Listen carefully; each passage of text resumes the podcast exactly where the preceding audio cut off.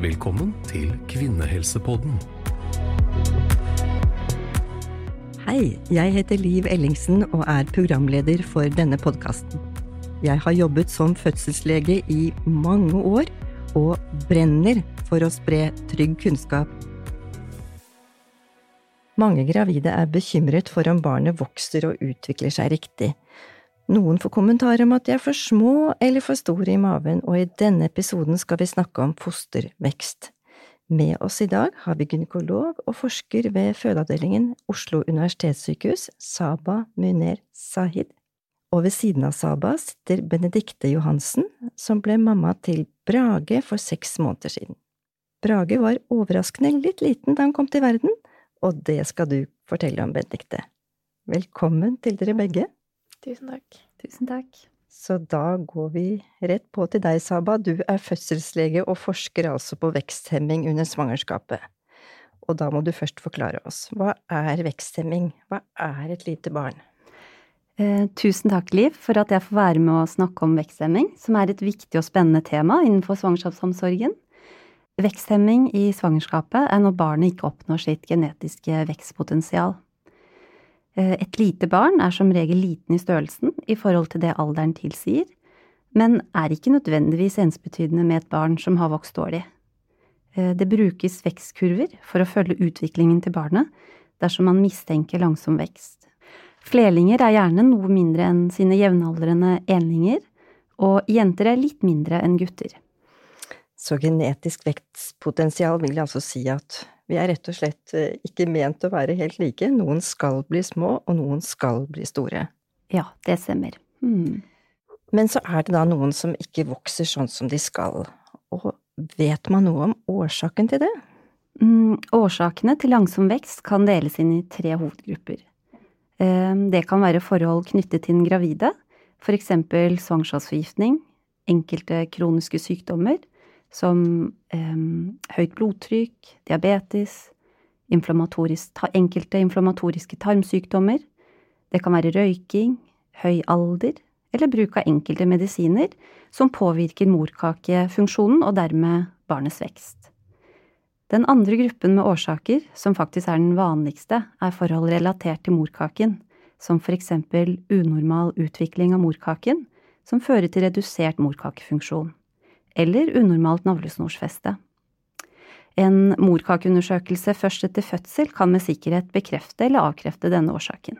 Så morkaken er helt sentral. Det er jo her næringen kommer inn via navlesnoren, ikke sant? Det stemmer. For barna spiser jo ikke. De får næringen sin via blodet, via navlesnor. Det er helt riktig. De spiser ikke, de får oksygen og næringsstoffer eh, tilført gjennom eh, navlevenet som er i navlesnoren, som er festet til morkaken. Sist, men ikke minst, så er en av, de en av de tre årsakene er da forhold relatert til fosteret, som det å være eh, for eksempel flerling, eller eh, ha medfødte misdannelser, eller forekomst av kromosomfeil. Og det å ha enten medfødte misdannelser eller ha kromosomfeil eh, er forbundet med ekstremt tidlig og alvorlig form for veksthemning. Og det kan være alvorlig, det skal vi komme tilbake til. Mm. Så hvis du skal si hva påvirker barnets vekt, hva vil du si da? Um, hos en ellers frisk kvinne vil fosterets genetikk, kvinnens BMI og morkakens evne til å sikre oksygen og næringsstoffer til barnet påvirke barnets vekst. Og så er kvinner veldig flinke til å tenke at jeg har gjort noe galt, eller spist noe galt, eller tenkt noe galt, og hvilken sammenheng kan du si at det er mellom hva mor spiser og hvordan barnet vokser? Ja, eh, mange gravide lurer jo nettopp på dette. Eh, den norske mor-barn-undersøkelsen fra 1999 til 2008 belyser dette spørsmålet godt. I den studien så, så man at mødre som hadde et strengt lavt energiinntak og lavt proteininnhold i kostholdet, fikk små barn. Disse kvinnene hadde jo i tillegg også lavere verdier av blant annet vitamin D, kalsium og sink og jern. Eh, forskningsstudier utført i u-land viser at feilernæring eller underernæring hos kvinner øker risikoen for å få små barn.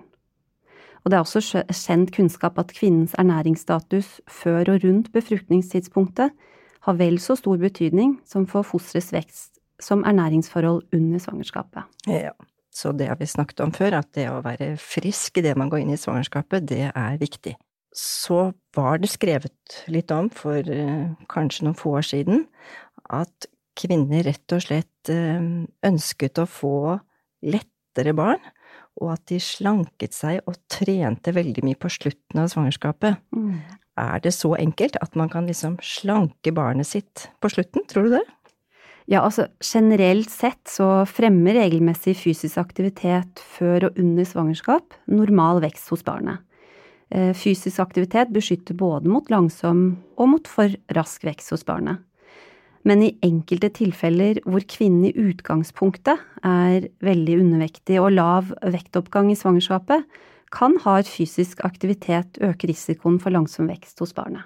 Men det vanlige er at barnet er ganske godt beskyttet for disse svingningene, kan vi ikke si det? Absolutt. Ja. Og at Moderat eh, til et mm. vanlig kosthold, en vanlig aktivitet, vil ikke påvirke barnets vekst i det hele tatt. Nei, det stemmer.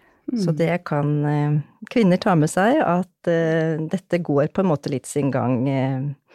og bortsett fra å leve vanlig sunt, så er det Mm. ikke så mye man kan påvirke. Og i hvert fall ikke på kort tid. Nei, det stemmer. Mm. Så det å gå hjem og spise veldig mye fordi man tror barnet er lite, det har ingen effekt, i hvert fall. Hvis barnet vokser lite, kan, hvordan kan man oppdage det egentlig? Får kvinnen noe signal på det, at barnet er sultent og trenger mer næring? Um, dette er et vanskelig spørsmål å svare på.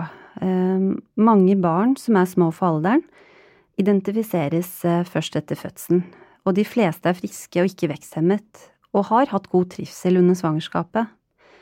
Eh, Likevel kan enkelte barn med veksthemning gå i sånn energisparingsmodus og bevege seg mindre, fordi de ikke får optimal med tilførsel av oksygen og næringsstoffer.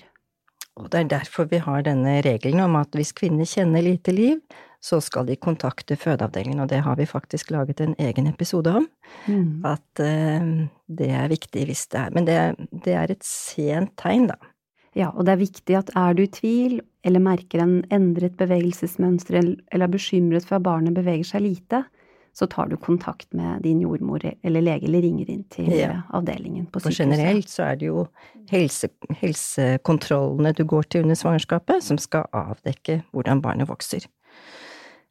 Så er det jo sånn at noen har liten gravid mage, og andre har stor. Er det noen sammenheng på hvordan man kan se en kvinne og størrelsen på babyen? Eh, nei, det er det ikke. Altså kvinnens eh, høyde, og særlig hvor gode bukmuskler hun har, og om hun har født barn før eller ikke, har mye å si for fremtoningen av gravidmagen. Ingen kan si noe helt sikkert om barnets eksakte størrelse bare ved å se på gravides mage. Heller ikke kvinnens lege eller jordmor, og i langt mindre grad en tilfeldig person i matbutikken. Ja, det er viktig å ta med seg, for det skal man rett og slett bare heve seg over sånne kommentarer at du ser liten ut, Mm. eller du ser stor ut. Så hvordan kan man oppdage, da, at man har et barn som ikke vokser nok? Kan du si noe om det? Ja, det er to etablerte metoder eh, som kan avdekke langsom vekst på. Den første går ut på å måle høyden fra skambenet og opp til høyeste punkt på livmoren, det som kalles symfyse fundusmål. Eh, Dette måles hos alle gravide flere ganger i løpet av svangerskapet, slik at ethvert foster får etter hvert en egen vekstkurve. Eh, Dersom fosteret vokser langsommere, kan det vise seg i form av avflatning på denne kurven, eller at, eh, eller at fosteret ligger langt utenfor hvis det er en av de første tidlige eh, undersøkelsene og det er en tidlig veksthemning.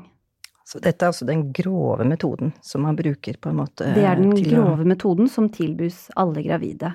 plukke ut. Eh, Mm. Den andre metoden er en ultralydundersøkelse av fosteret, hvor man da måler eh, vanligvis hode, mage og lårben for å beregne fosterets vekt. Og dersom man har minst to til tre målinger med et bestemt tidsintervall, kan man si noe om fosterets vekst. Fastlege eller jordmor henviser kvinnen til ultralydundersøkelse på sykehuset dersom det foreligger indikasjon for å få utført denne undersøkelsen.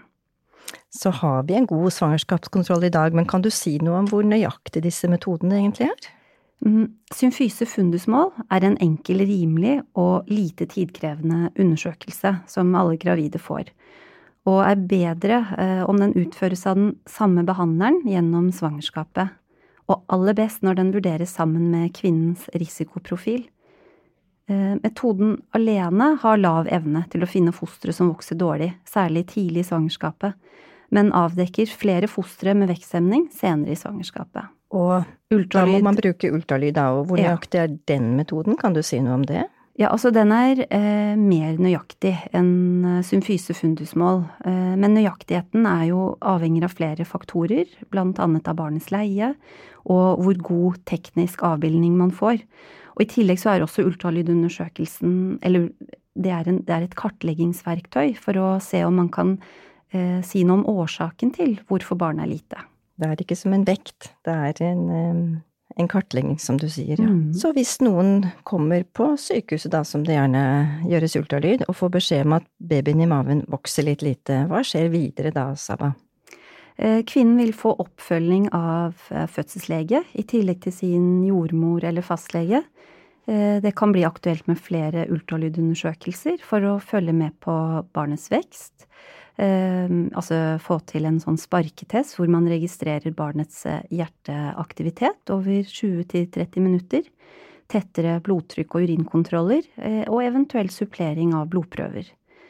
Um, dersom det er en sånn ekstremt tidlig og alvorlig form for veksthemning, med for mye fostervann eller mistanke om medfødte misdannelser, kan det bli aktuelt å tilby undersøkelser for å avdekke eventuelt underliggende kromosomfeil hos barnet. Så er det mange som lurer på, når barnet skal ut, må det da gjøres keisersnitt hvis barnet er lite? Kan du si noe om det? Tåler veksthemmede barn fødsel? Um, ja, det vil jo bli en individuell vurdering i, i ethvert enkelttilfelle, for det, der er det flere ting som eh, påvirker den avgjørelsen, altså forløsningsmetoden. Det er blant annet um, barnets alder, eh, hvor veksthemmet barnet er, eh, om det er andre eh, forhold i sykehistorien til mor eh, som tilsier eh, heller mot enten vaginal forløsning eller keisersnitt. Ja. Mm. Men generelt så kan vi si at barnet tåler egentlig mye rundt fødsel, da, og Ja. det vi Mm. ofte gjør, hvis det er en sånn litt um, en ikke så alvorlig veksthemming på slutten, er jo at vi kanskje bestemmer oss for å sette i gang fødselen. Mm. Og de all, aller fleste barn eh, som er eh, født små, de er jo eh, nesten terminbarn. Og de tåler eh, som regel en fødsel. Det er Men de må passes godt på under Mm. fødsel. De er, de er mer sårbare, så de må passes godt på. Mm. Så når et lite barn er født, er det noe spesiell oppfølging etterpå, på barsel for eksempel? Barn som har vokst dårlig, har ofte mindre underhudsfett eh, og kan forfalle i blodsukker eller ha vanskeligheter med å holde temperaturen. De har også noe økt risiko for infeksjoner og gulsott, eh, og de kan bli slitne ved matsituasjoner og kan ha behov for morsmelkerstatning. Barna får tettere oppfølging med måling av temperatur, blodsukker og vekt på barsel. Eh, Og lysbehandling kan bli aktuelt ved eventuelt ja, gulsott. Og så er det nok mange som lurer på, hvis de har født et litt lite barn, hva med neste svangerskap? Kan man gjøre noe for at ikke det samme skjer igjen, eller skal man følges opp på noen spesiell måte? Det er jo ca. 20% gjentagelsesrisiko dersom man tidligere har født et lite barn. Eh, Og det er viktig med tidlig terminfastsettelse i neste svangerskap, da den biologiske variasjonen for eh, hvor stort barnet er, er mindre i første trimester kontra senere i svangerskapet. Og det er jo nå innført da, at alle skal få en tidlig ultralyd, så det Ja. er godt å vite. På sikt skal alle få. Nå er det flere som får enn bare for ja, halvannet år siden. Mm, og så har vi jo, vet, du har vi jo, vet vi om acetylsalicylsyre, også kjent som aspirin, eh, reduserer risikoen for å få et lite barn i et nytt svangerskap eh, dersom det var forekomst av høyt blodtrykk eller svangerskapsforgiftning, eller hvis det da var isolert, men tydelig veksthemning med morkakesvikt eller morkakedysfunksjon i et forutgående svangerskap. Eh, Og dette preparatet startes i samråd med kvinnens fødselslege og skal aller helst det begynnes rundt svangerskapsuke tolv og mm, absolutt før svangerskapsuke uke 16. Så det eh, hjelper ikke å begynne med dette preparatet om barnet er veksthemmet og du er i svangerskapsuke 26. Det er faktisk ganske viktig at kvinnene vet om det, fordi dette kan glippe litt. Eh, at informasjonen ikke helt når ut til fastlegene, som det er hos tidlig. Så det er det viktig at man eh, passer litt på selv også, og får denne resepten på, på mm, Albyl E, som vi kanskje bruker mest mm. i Norge, da. Mm. Absolutt. Det er lurt. Da har vi hørt mye om veksthemming fra deg, Saba, og da vil vi gjerne gå over til deg, Bendikte. Du hadde et fint og ukomplisert svangerskap? Ja, det stemmer. Jeg hadde veldig lite plager, egentlig. Og på kontrollene hos jordmor så var eh, alt eh, helt fint. Jeg lå på, på helt på gjennomsnittet på dette symfysemålet som Saba snakket om i stad. Det var ingen mistanke om eh, verken for stort eller eh, for lite barn. Han lå helt på snittet hele veien. Um, så det var ingen grunn til at du skulle til noe ultralyd? Nei. nei. Jeg hadde ikke den siste kontrollen fordi eh, det var sykdom hos jordmor. Så den siste kontrollen før han ble født, det var faktisk elleve dager før. Så man vet jo ikke om jeg hadde vært på den siste kontrollen, om det kanskje kunne ha vært eh, et litt lavere symfysemål. Det vet man ikke. Men så eh, gikk du i spontan fødsel før du rakk den kontrollen? Ja. ja. Det stemmer. Og så var han jo litt liten, da 2,7 kilo er jo litt under gjennomsnittet. Mm. Og det, det, hadde ikke du tenkt på. Du fikk jo en litt spesiell fødsel, kan du fortelle litt om det? Ja, det begynte veldig Eller det var en veldig rask fødsel. Jeg fikk rier klokken åtte på kvelden. Um, og så var vi inne på Rikshospitalet rundt midnatt. Og da allerede fra den første mm, CTG-en, eller når de sjekker fosterlyden, så så de at hver gang jeg fikk en ri, så fikk han eh, lav fosterlyd, eller han, han, fikk en lav puls. Så de, de, var veldig på å overvåke meg eh, med en gang. Um, etter hvert så ble den lave fosterlyden mer langvarig, og de tilkalte legene. Og, ehm, og, så ble det et akutt keisersnitt, da. Fordi eh, han tålte ikke riene, rett og slett. Vi kan jo si også at du er barnelege selv. Hvordan var det å være på den siden, å være pasient ja, selv? Akkurat eh, der så tror jeg det var en fordel fordi jeg er barnelege, og samboeren min er fødselslege. Og vi begge var veldig rolige og trygge og følte oss veldig godt ivaretatt i eh, det som objektivt sett var en veldig dramatisk situasjon. Og det tror jeg nok er fordi at vi har jo vært, um, vært i en sånn situasjon på en måte på andre siden når vi har vært på jobb, og vi vet jo begge at det går stort sett bra. I hvert fall klarte jeg å tenke at dette, dette kom til å bra, eh, gå bra, og det, det gjorde det jo også, for han var jo veldig sprek når han eh, kom ut, til tross for at han var liten. Liten og sprek var Brage. Ja. Fikk du noe svar eller forklaring på hvorfor han var liten? De sa at uh, jeg hadde en liten morkake. Det nevnte du jo i stad, Saba, at det kunne være en årsak. Um, men så, så, lurer man jo på hvorfor har jeg, hvorfor har jeg en liten morkake, og det, det, har de ikke noe forklaring på, for jeg er jo, jeg er jo frisk og bruker ingen medisiner og og sånn, så det vet man rett og slett ikke hvorfor akkurat jeg skulle få en liten morkake og et lite barn. Og så sa de også at han hadde en ganske tynn og skjør navlesnor, og så forklarte de at denne navlesnoren har vanligvis en sånn slags gelé rundt seg som skal beskytte mot kompresjoner når man får rier, da. Og han hadde ganske lite av den geleen, og det tror de er årsaken til at han ikke tålte riene så godt, og fikk en lav fosterlyd. Kan du si noe om det, Saba? Tenker du at det kan være noen sammenheng her?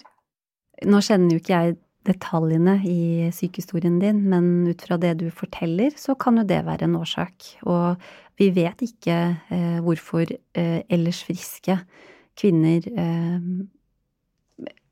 produserer eller får dårlige morkaker. Det vet vi ikke, men ut fra det du sier, altså at det var litt lite gelé, det kan være en risikofaktor både for langsom vekst og for at de tåler eh, en fødsel dårligere. Men da var det jo veldig godt at det ble veldig godt overvåket, da, sånn at det gikk mm. fint. Vi har jo hørt at svangerskapsforgiftning kan være en uh, viktig grunn til uh, nedsatt fostervekst, særlig hos førstegangsfødende. Hadde du noe tegn til høyt blodtrykk? Eh, ja, det glemte jeg å nevne i stad, at på de siste kontrollene hos jordmor så hadde jeg litt høyt uh, undertrykk.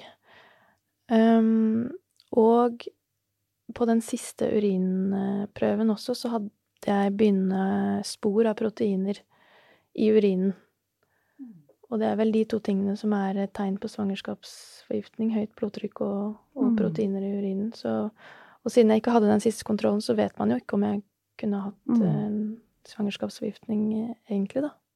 Ja, og ifølge Nå har vi fått en eh, ny definisjon på svangerskapsforgiftning, og der har jo faktisk veksthemning kommet inn som en, et eget ledd i tillegg til høyt blodtrykk. Og det ser vi jo veldig ofte, at veksthemming kan, enkelte, kan komme før eh, blodtrykksstigningen. Så her er det jo flere faktorer som peker i retning av en eh, morkake som kanskje ikke helt var optimal, og eventuelt forhold ved navlesnoren også, som mm, kan ha bidratt til den litt eh, dårlige veksten. Ja. Og så lurer man jo alltid på, eller jeg gjorde i hvert fall det sånn, er det noe sånn som vi snakket om i stad, er det noe jeg har gjort gærent? Har jeg spist noe feil? Har jeg trent for lite? Hvorfor har jeg fått en Eller hvorfor hadde jeg en liten morkake? Men jeg mm. skjønner jo at det ikke mm. At det på en måte er en tilfeldighet, kanskje, da. Ja, altså det aller viktigste å ha med seg ut fra, det du får, eller ut fra dette, er jo at det er ikke noe du kunne ha gjort annerledes. Og dette her Eh, er jo mekanismer som finner sted veldig tidlig i svangerskapet. Så vi har liten mulighet til å påvirke det sent. Der da går det jo mer på å overvåke og følge med på vekst og se at eh, det er trygt nok å fortsette svangerskapet. Så hørte vi at Brage var frisk når han kom, selv om han var liten. Men hvordan var tiden etterpå? Hadde du noen ekstra bekymringer og spørsmål etterpå?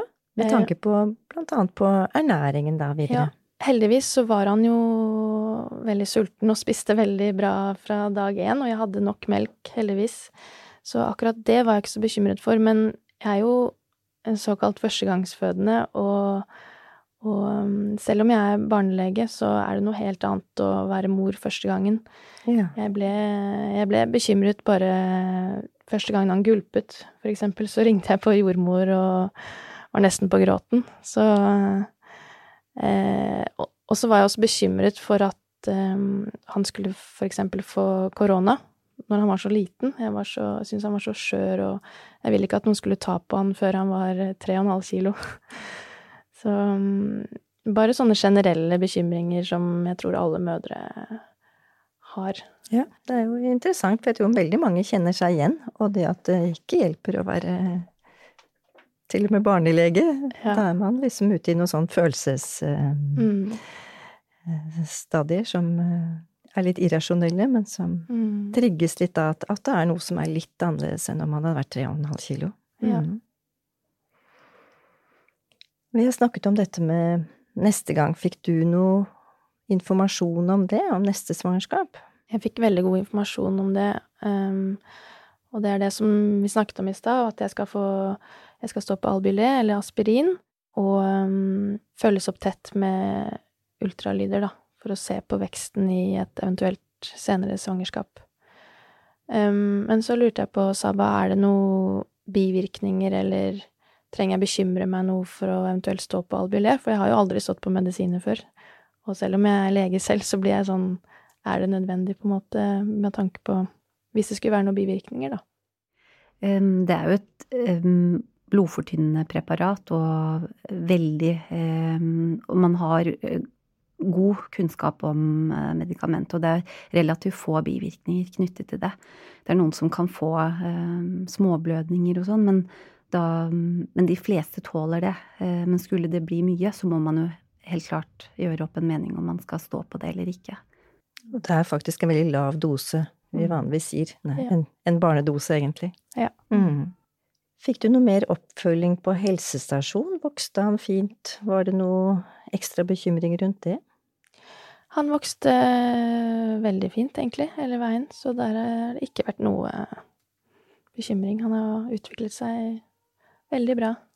Det var en fin avslutning, og tusen takk deg, til deg, Saba, for at du har delt av din kunnskap. Så vi håper at dere lyttere nå kan litt mer om vekst og veksthemming. Og tusen takk til deg, Benedikte, for at du har delt historien om Brage da han ble født. Takk for at jeg fikk komme, det var veldig hyggelig. Tusen takk, Liv. Har du spørsmål, så send en e-post til kvinnehelsepodden, alfakrøll os-hf.no, eller vår Instagram-konto. Og er du engstelig, ta kontakt med jordmor eller fastlege hvis du er bekymret for svangerskapet. Takk for i dag.